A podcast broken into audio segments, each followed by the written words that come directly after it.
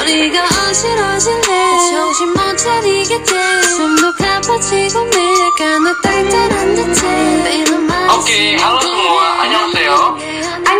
Semua bagi para pendengar di mana pun kalian berada. Selamat datang di podcast Corona, tentunya Korean Opa Nuna masih bersama dengan saya Steven. Dan saya Tasya, Kami dari Departemen Exchange Program. Yeay. Widih, ada Nuna Tasya nih ya.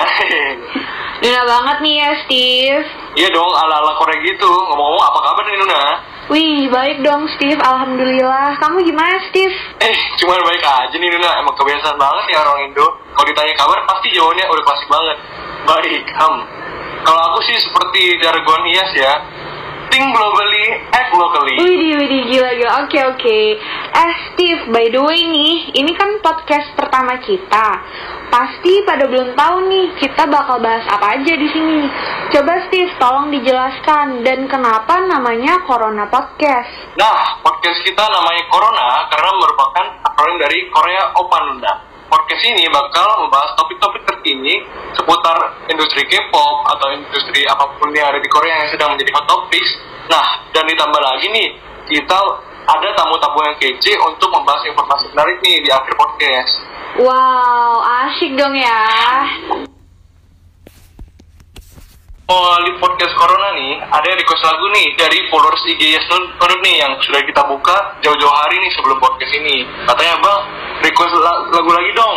Judulnya Wannabe dari girl band ITZY. Wah, lagu terbaru dari ITZY nih. Wannabe ini dikenal dengan gerakan bahu yang ikonik karena gerakannya susah banget. Steve, bisa nggak? Waduh, agak sulit dong hehe. Tapi bener banget nih Luna, para fans bahkan bikin challenge hashtag Region Shoulder Dance Challenge di TikTok.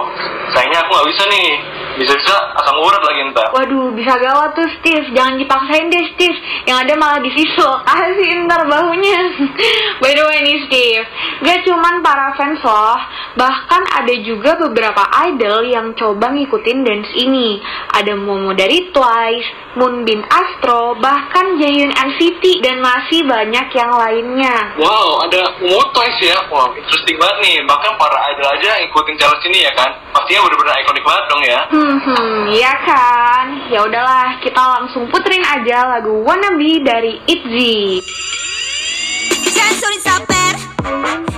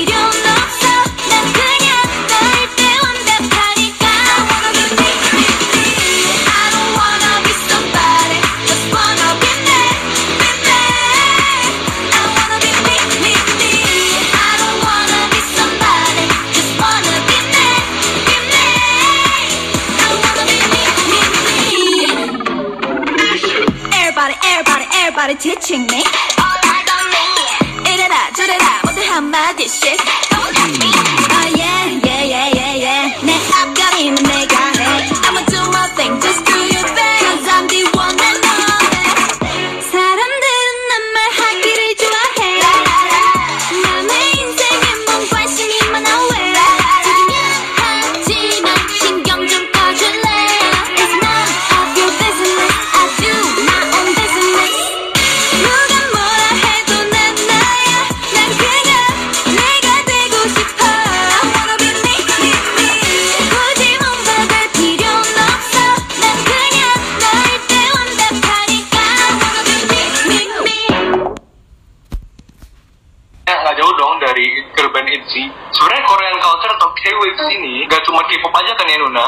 Iya, betul banget, Steve. Jadi, di K-Waves itu dibagi lagi jadi tiga macam kultur.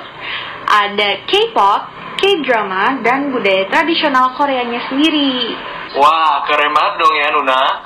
Iya, emang keren banget. Waktu dekat, aku mau request lagu hits dari Blackpink, boleh nggak? Yang mana, Nuna? Kayaknya semua lagu Blackpink hits semua deh. Ya, bener sih ya. lagu kembaranku itu semuanya ngehits. Ini loh, yang liriknya begini nih. Dudut Waduh, nadanya sangat kacau ya. Oke deh, langsung aja kita mainin lagu dulu dulu dari Blackpink.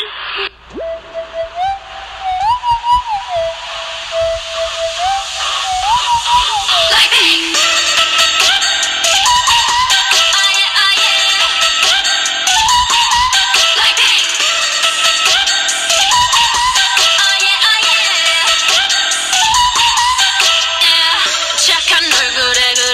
못한 태도 한여린 몸에서 가려진 볼륨은 두 배로 거침없이 찍힌 굳이 보진 않지 Black 하면 pink 우린 예쁘지 않은 savage 원하던 대놓고 뺐지. 너무래도 칼로 무배기. 두 손엔 가득한 fat checks 궁금하면 해봐 fact check 눈 높인 꼭대기. 물 만난 물고기. 좀 톡해. 난 toxic. 유혹해 I'm Wah, asik banget kan lagu kembaran aku. Iya kan? Ngomong-ngomong nih Steve, selama masa pandemi corona ini, pemerintah Indonesia udah ngasih anjuran bagi penduduknya untuk hashtag stay at home. Jadi kebanyakan kegiatan kita dilakukan di rumah Steve. Kuliah online, rapat online, seminar online, lomba online, bahkan IOP online. Semuanya serba online. Bener banget Nuna. Hashtag di rumah aja lagi menjamur banget nih ya. Pasti udah pada bosen banget nih. Bahkan bukan bosen doang. Malah kali pula lah aku nih lama-lama nampak kali lah gak punya aku di rumah. Pas banget nih, aku bakal ngasih rekomendasi K-drama yang pastinya bisa banget mengisi waktu gabut selama di rumah aja. Oh iya, boleh banget dong Nuna. Coba dong kasih kita dong list drakor yang bisa mengatasi kegabutan yang ada ini. Apalagi kita para kaum adam ini kan maksudnya wanita. Eh, maksudnya ada agak Nuna. Eh, gimana Nuna? Astagfirullah, kasihan banget. Oke deh, ini langsung aja aku kasih rekomendasi list drakornya. Untuk yang pertama, ada drama yang diperankan oleh Kim Tae Hee sebagai lead actor dengan judul Hi Bye Mama, di mana ini merupakan kisah tentang seorang ibu yang meninggal dan memulai proyek reinkarnasi selama 49 hari dan seorang suami yang baru saja mulai menjalani kehidupan baru setelah mengatasi rasa sakit kehilangan istrinya. Wih, pastinya keren banget dong Nuna ya. Ada nggak nih list-list lagi nih? Soalnya kita kan bosen banget nih Nuna. Dahaga, Nuna dahaga. Astagfirullah. Oke oke tenang tenang. Ini nih yang kedua nih K-drama ini sempat jadi trending di Twitter yaitu The World of the Married. Ji Sun Woo yang yang diperankan oleh Kim Hee adalah seorang dokter yang tampaknya menjalani kehidupan sempurna, tetapi ingin balas dendam pada suaminya yang selingkuh. Pemeran yang sangat hangat nih menjadi perbincangan akibat aktingnya dan wajahnya yang juga cantik ialah Han So Hee sebagai orang ketiga di dalam rumah tangga Ji Sun Woo ini nih cocok banget nih buat kaum adam kayak Steven nih yang dahaganya nih butuh di- diberikan asupan. Nah, drama ini drama yang sekaligus menjadi ujian kesabaran bagi para penontonnya. Hati-hati nih bagi yang lagi menjalani puasa. Ya, seperti yang kita udah ngomongin di awal podcast, bakal ada informasi penting yang wajib banget didengerin nih. Wah, bener banget tuh. Ayo Steve, sekarang sampaikan info- informasi penting apa yang harus ditunggu-tunggu para pendengar kita. Nah, begini Nuna, ada kabar gembira, gembira nih dari exchange program Universitas Udayana, karena kita bakal adain Extronas atau exchange program nasional sebentar lagi nih. Wow, bakal seru banget dong. Exponus itu kegiatan apa sih, Steve? Pasti teman-teman pendengar masih ada yang belum paham tentang Exponus ini nih. Nah, Nuna nggak usah khawatir nih, makanya kita ada undang tiga tamu spesial yang kita undang ke podcast ini jauh-jauh dari rumah loh, alias online. Buset, jauh-jauh nih ya, Steve, demi jelasin more about Exponus di Corona Podcast kali ini. Jadi bagi kalian para familias, bo- boleh banget nih kalian catat, kalian take notes biar kalian nggak ada miss out information information yang penting dong pastinya. Oke, langsung aja nih ya, kita sambut tamu spesial pertama kita, Nuna Leni. Yeay. Halo Nuna Leni, boleh gak nih ya kira-kira Nuna Leni, Nuna Tasya? Nah, yang sopan loh, Steve. Ini LCD loh. Tahu LCD nggak, Steve? Eh, LCD Samsung yang 32 inch itu kan yang di Hypermart. Wih, di- wih, kacau nih. Perlu diopi lagi nih, Kak. Wadidaw, pastinya maksudnya local committee director kan? Eh, bisa cari pecat nih gua. Nah, gitu dong, pintar. Bisa gawat kalau dipecat. Nah, kabar baiknya nih, di IAS itu nggak ada sistem pecat-pecatan loh, by the way. Nah, saya kan aman aja, aman-aman aja kan? Bener kan, Nona Leni? Untung ya, Steph, untung ya. Untunglah kabar baik untuk Anda, Steph. Nah, Nona Leni, boleh dong kenalan sedikit aja nih, sesuai kata pepatah itu tak kenal maka tak sayang. Tapi kalau menurut aku sih, munafik juga lah ya kan? Aku ini kan kayaknya udah kenal banyak kali orang nih, tapi buktinya masih belum ada tuh yang sayang. Aduh, kasihan banget ya ini teman kita satu ini ya. Boleh dong, Kak, sekalian Instagramnya, Kak, biar bisa dikepoin. Oke. Halo semua, perkenalkan nama aku Leni dan tahun ini dipercaya sebagai LCD Sales Unit periode 2019-2020. Saya dari aku dari Fakultas Pertanian Universitas Udayana. Oke, Kak, segitu aja sih ya kali ya perkenalan. Nanti untuk kepoannya, untuk kepo-kepo selanjutnya ada di Instagram aku, lainnya underscore Maria 20. Nah, daripada kita terlalu lama ngaturnya belum terkenal juga kan kita di podcast ini, jadi kita langsung aja deh masuk ke ke nanya-nanya bareng Kak Leni ini. Nah, untuk kali ini nih, tadi kita kan udah sempat nyinggung masalah iya siap punya jargon tentunya ting globally. Eh, Aku. maksud saya Aku act think globally, act locally. Sebenarnya organisasi IAS itu eh, seperti apa sih Kak? Kak Leni? jadi ya pokoknya ya itu intinya tuh memang suatu organisasi yang mewadahi jadi ya kita itu ya berpikir secara luas dan ayolah kita langsung tindakan nyata kan gitu sebenarnya niat dari IAS tuh gitu itu nah jadi IAS tuh pengen gimana caranya kita me- mengembangkan pertanian secara langsung, community developmentnya, dan gimana juga tetap, tapi tetap juga mengembangkan soft skill dari setiap anggota anggota di IA. Jadi semuanya itu memang benar-benar ada dan nyata gitu sih. Steve. Wah ngomongin Ya, tentang pertanian sih. nih. Saya saya ini sama teman-teman saya pertanian eh, kudu kudu pasti interesting dong sama kegiatan yang ada di ISLC Unit Hmm. sendiri nih kak. Nah ngebahas tentang LCD sendiri nih kak atau local community director ya kan kak. Nah dalam kegiatan sehari-harinya tuh seperti apa sih kak di LC Unit ini? Kalau kegiatan sehari-harinya, jadi ya bagaimana kayak mengkoordinir, menghandle ataupun memeriksa apa aja nih yang kekurangan di setiap departemen, lebih kayak nanya-nanya ataupun ya pendekatan juga sih ya sama setiap orang biar merasa anggotanya juga nyaman di iya seperti itu sih. Jadi membantu juga kalau ada yang miss ya pekerjaan mungkin LCD dan tim yang lainnya kayak IAS atau DLD atau yang lainnya bisa membantu. Seperti itu sih Steve, kurang lebihnya. Ya. Seru banget. Kalau menurut saya sih IAS Indonesia itu seperti unicorn ya kalau dalam dunia startup ya. Waduh referensi saya sekali ya. Hmm. Nah kira-kira yang saya tahu nih di sini kan mempunyai formatur tersendiri nih dan beda dari organisasi-organisasi lain. Nah menurut kalian ini bagaimana sih eh, formatur yang ada di IAS ini boleh cerita dikit tuh kak? Oke, jadi kita tuh susunannya tuh ada 10 sih ya, tapi yang utamanya tuh 9. Yang pertama ada CCLC, Control Council of Local Committee. Nah, CCLC ini kayak umumnya tuh kayak steering committee ya, SC gitu. Jadi kayak yang memeriksa atau apa nggak ada yang yang ketinggalan nih jadi kayak yang mengingati ada kesalahan dia mengingati seperti ngasih saran nah kemudian ini dibilang juga nih namanya Pak juga Steve atau Stas mungkin langsung ceritain sedikit aja sih kak. Ini kan informasinya general buat Oke oke oke.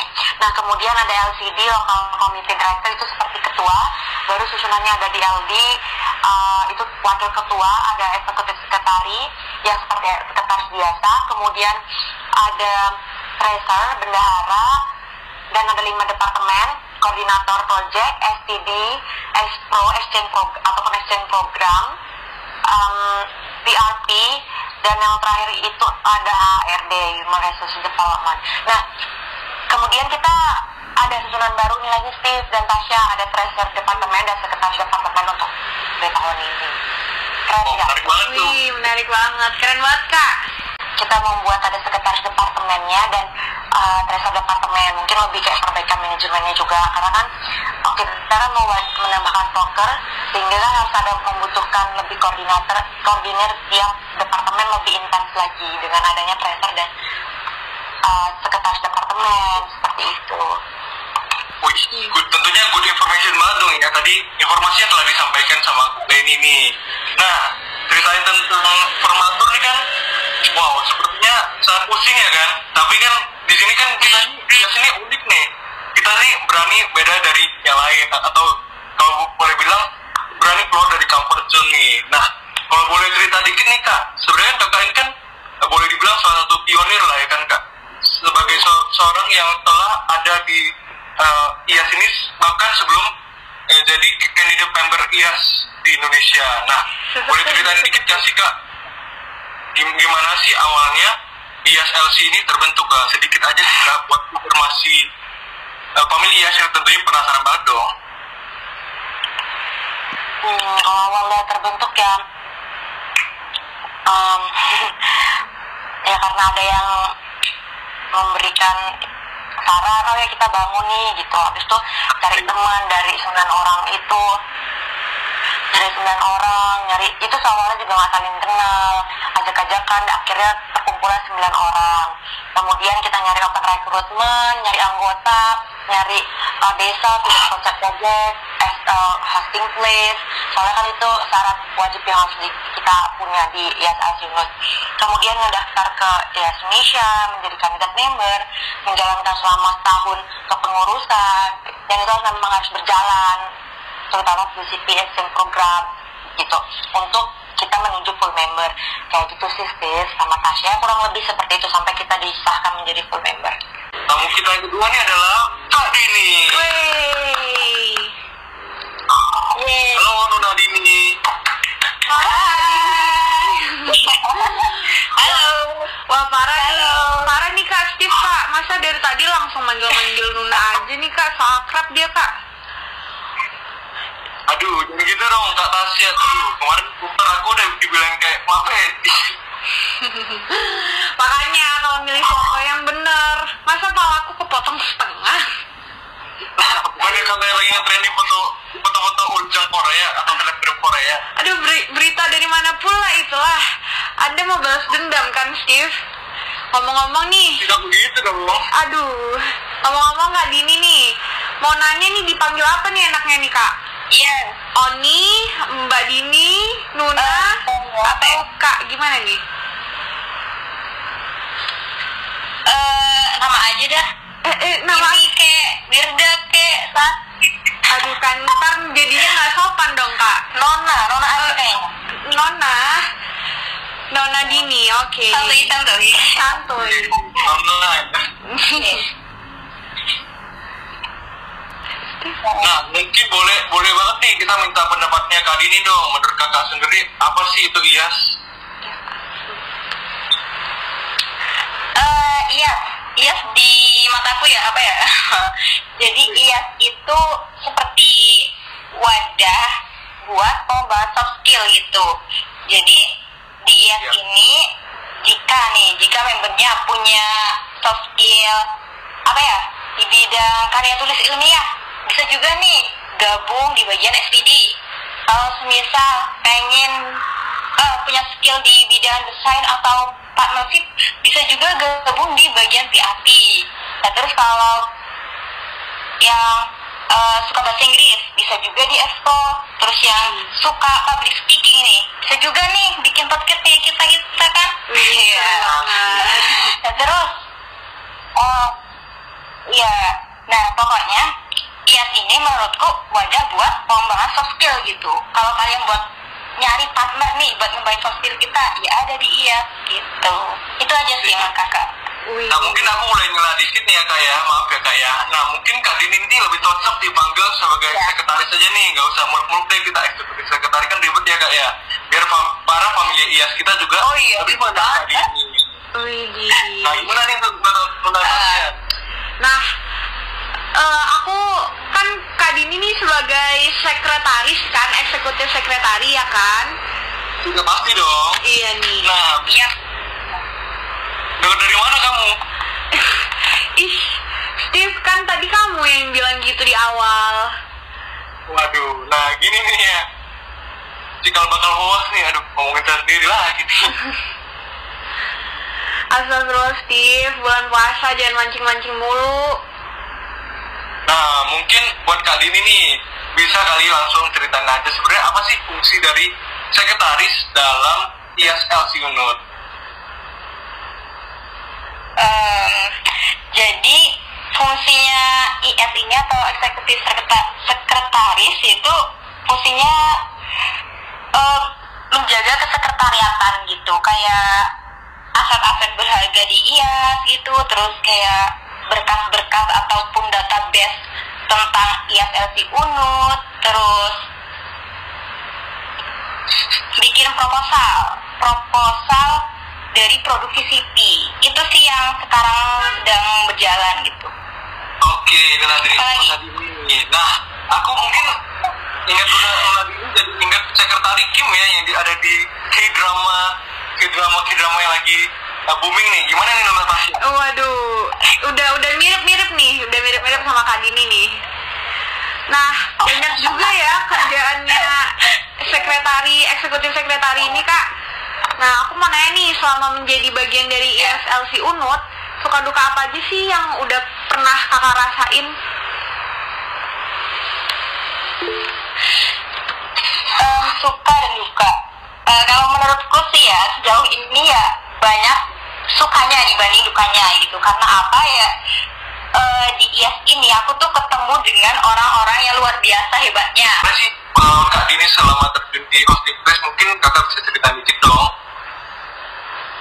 Eh, boleh banget. Jadi eh, pas kita baru masuk semester 6 tuh pas weekend weekend kita kayak aku terus ada Leni, Risha dan juga Dinar itu nyari hosting place itu atau tempat magang. Nah kita menentukan hosting place-nya ada dua, yaitu ada di Little Spoon Farm dan juga sejenis strawberry gitu. Kalau Little Spoon Farm tuh nggak jauh-jauh banget dari Denpasar gitu, jadi masih di pusat kota lah ya. Namanya juga di Tanah Lot kan. Kalian pasti pada tahu kan? Oh, tahu dong Di Tanah kak. Lot. Eh, eh, nah di Tanah Lot gitu. Jadi deket pantai lah ya. Kalian kalau magang di sana bisa lah main-main lah gitu. Asik. Dan terus ada sejenis strawberry itu tempatnya di Pancasari gitu agak jauh sih emang karena emang di bagian utara Bali ya gitu nah aku bakalan ceritain dikit mengenai Little School ya soalnya pas di situ aku ikut tapi pas di sejenis strawberry-nya aku nggak ikut ya gitu Oke, oke. jadi pas di School Farm kita diajak untuk ke bagian gardennya. Di mana? Di situ. Gardennya itu ada dua. Yang pertama emang di pusatnya yaitu di Tanah Lot dan yang kedua ada di Pancasari gitu. Eh, ownernya itu bekerja sama gitu dengan petani di sana Nah, kita diajak yang di Little Farm yang di Tanah Lot. Nah, di sana tuh pertaniannya organik. Itu keren banget sih organik. Wih, Nah, terus apa ya?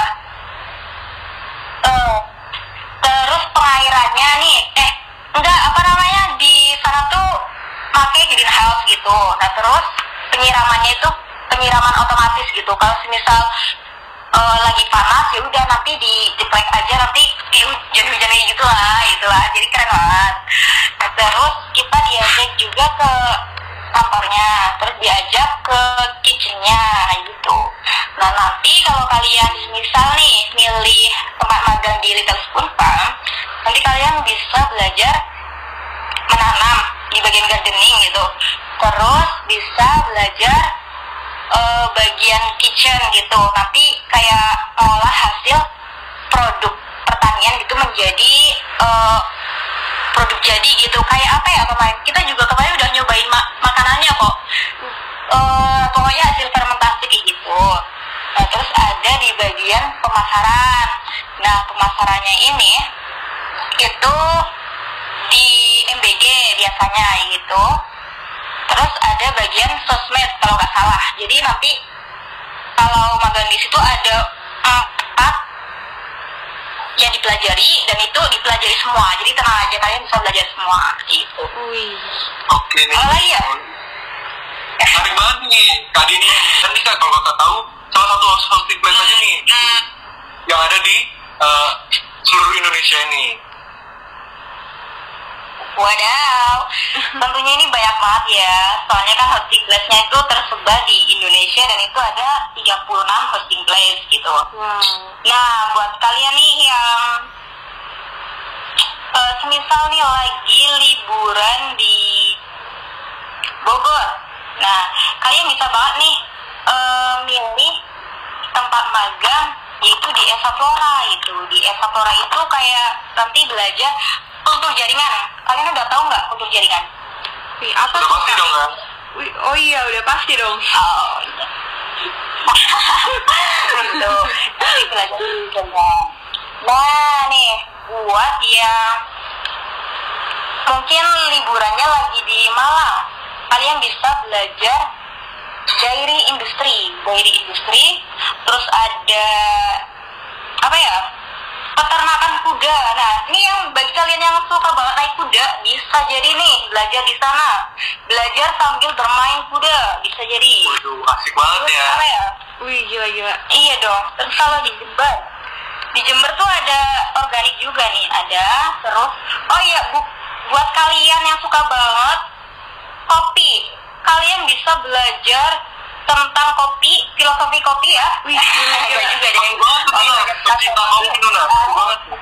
Iya. Boleh, boleh. Itu di Semarang, Semarang. Kemarin Oke. Terus eh, buat kalian yang pengen eh, yang suka banget anggrek-anggrek tuh, terus jamur bisa juga belajar di Mataram, di Lombok tuh. Steve, udah tamu spesial kedua kan nih tadi kan ini, berarti tinggal satu lagi dong. Siapa ya kira-kira?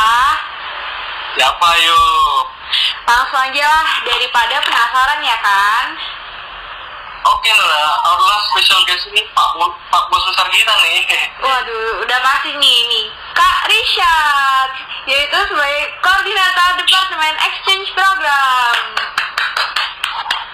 Yang ini bos kita, bos kita ya Nuna. Eh, Halo, Pak nih, maksud saya, maksud saya Shuri Chef kak. Maaf, maaf. Wah emang kacau nih Steve nih, cocokan panggil opa deh kayaknya. Waduh, jangan gitu dong deteknya. Saya tahu dikira udah kayak Betty, umum lagi yang udah wajar. Habis gimmick mulu sih di poster ya. Iya sih, branding iya sih naik, tapi persoalan branding saya, waduh, Aduh. cukup patut kita tanyakan. Ya, jadi kita langsung aja nih ya, masuk untuk perkenalan Kak Richard. Halo Kak Richard. Halo, iya, halo Tasya. Halo kak, ini Steve kok kak lagi sih? Tadi katanya Hyung. Hai. Ini jangan bikin saya susah deh mungkin ya. Nah, Kak Richard ini, by the way, kayaknya lagi sibuk banget nih ya Kak ya. Terima kasih banget loh bisa sempetin waktu buat ngisi podcast kita. Wah iya nih, makasih banget kak. Sebelumnya boleh dong kenalan sedikit aja nih, biar para para pendengar kita nih pada kenal nih sama Kak, Kak Richard. Sekalian Instagramnya juga kak. Oke, kenalan. Tapi sebelumnya mau makasih dulu buat Steve sama Tasya udah ngundang saya nih ke podcast kecilnya ini. Wah, terima kasih kembali kak. terima kasih kembali kak.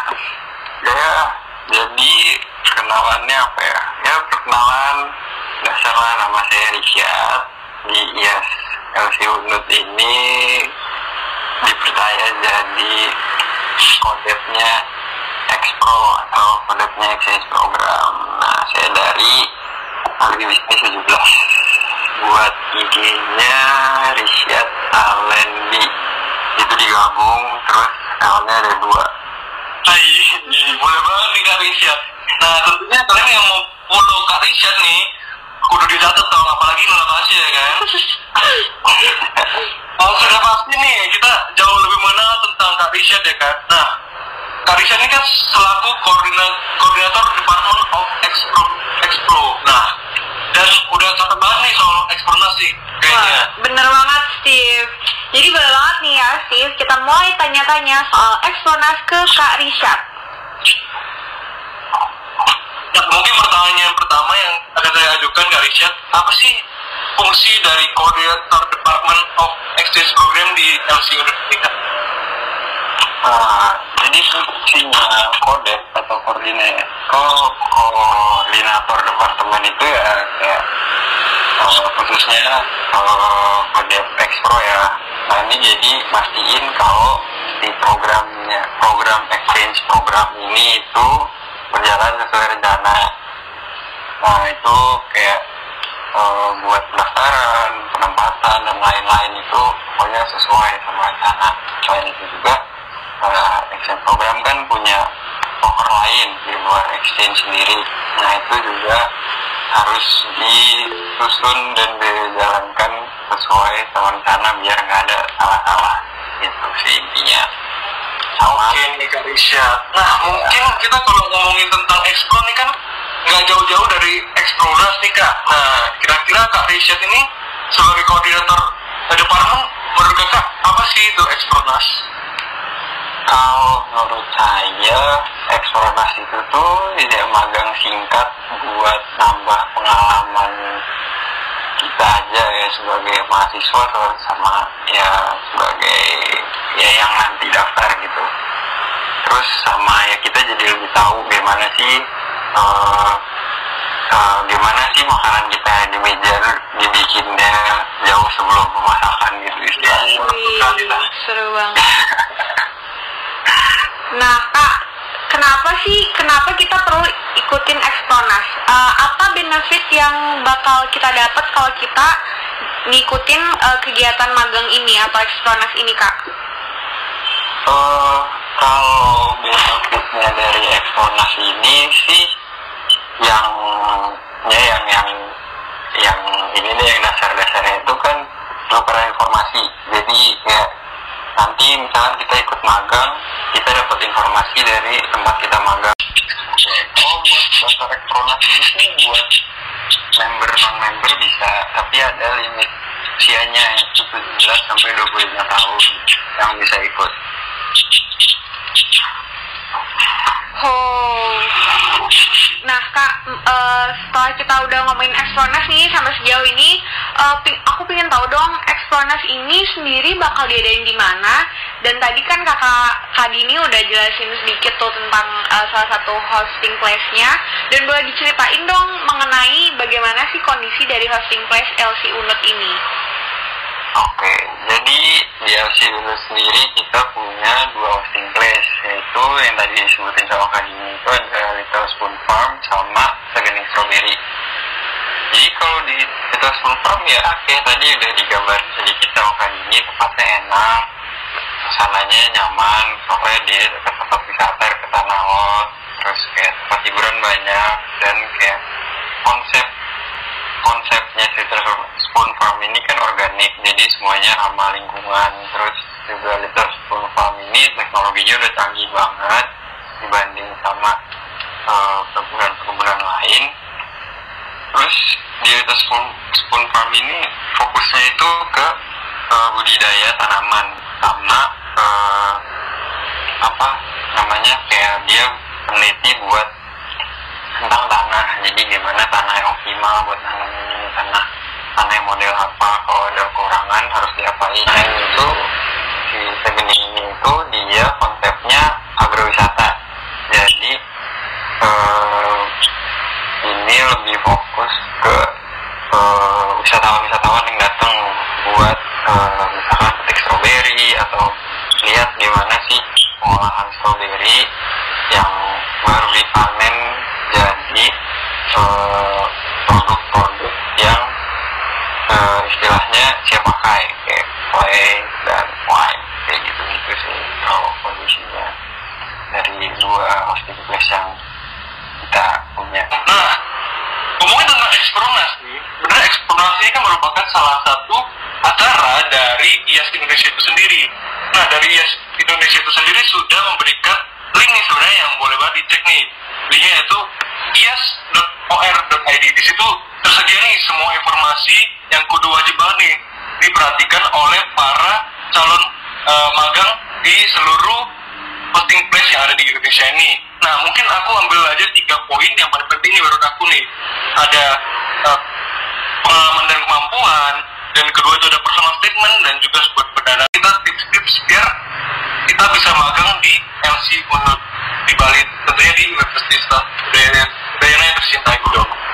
Oke, nah kalau ini kan di eh, yang syarat-syarat ini kan eh, buat nggak cuma yang Udayana doang nih, buat yang nasional, jadi buat ke 36 posting place. Nah jadi sesuai pengalaman dan kemampuan ini itu lebih kayak kalian misalkan kalian punya kelebihan kalian bahasa Inggris atau kalian pernah punya pengalaman kayak saya pernah ikut pelatihan buat pupuk atau apa? Nah kayak itu itu boleh dicantumin.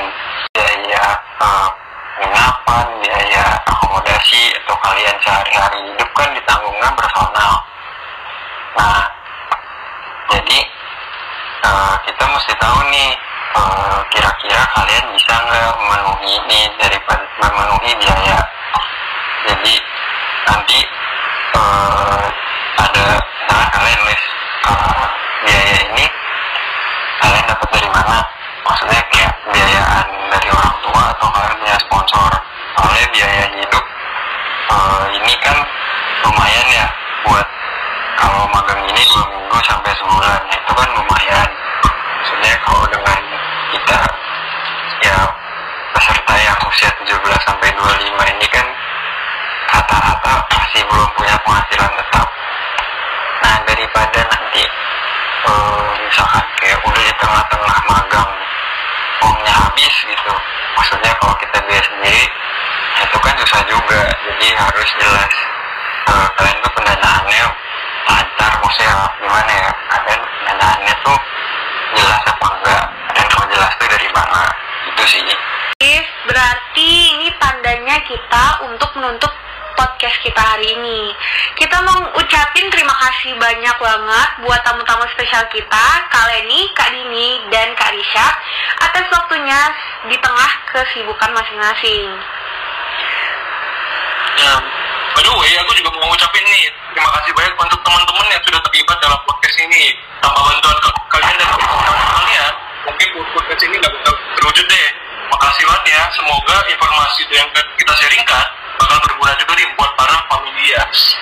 Oh iya, diingetin lagi nih Steve, buat teman-teman yang tertarik sama Extronas ini, bisa banget pantengin terus Instagramnya di IAAS Unut untuk informasi selanjutnya. Boleh juga cek Instagram hosting place kita di Little Spoon Farm dan Segening Strawberry.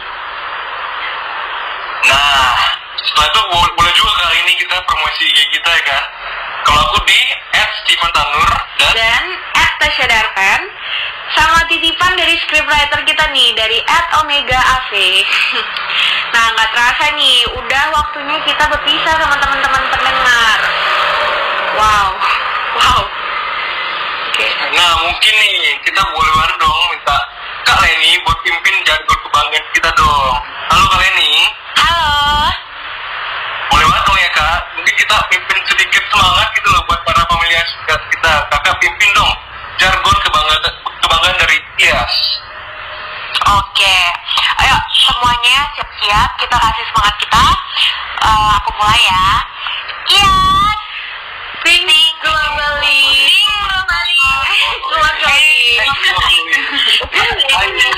Hey. Sampai jumpa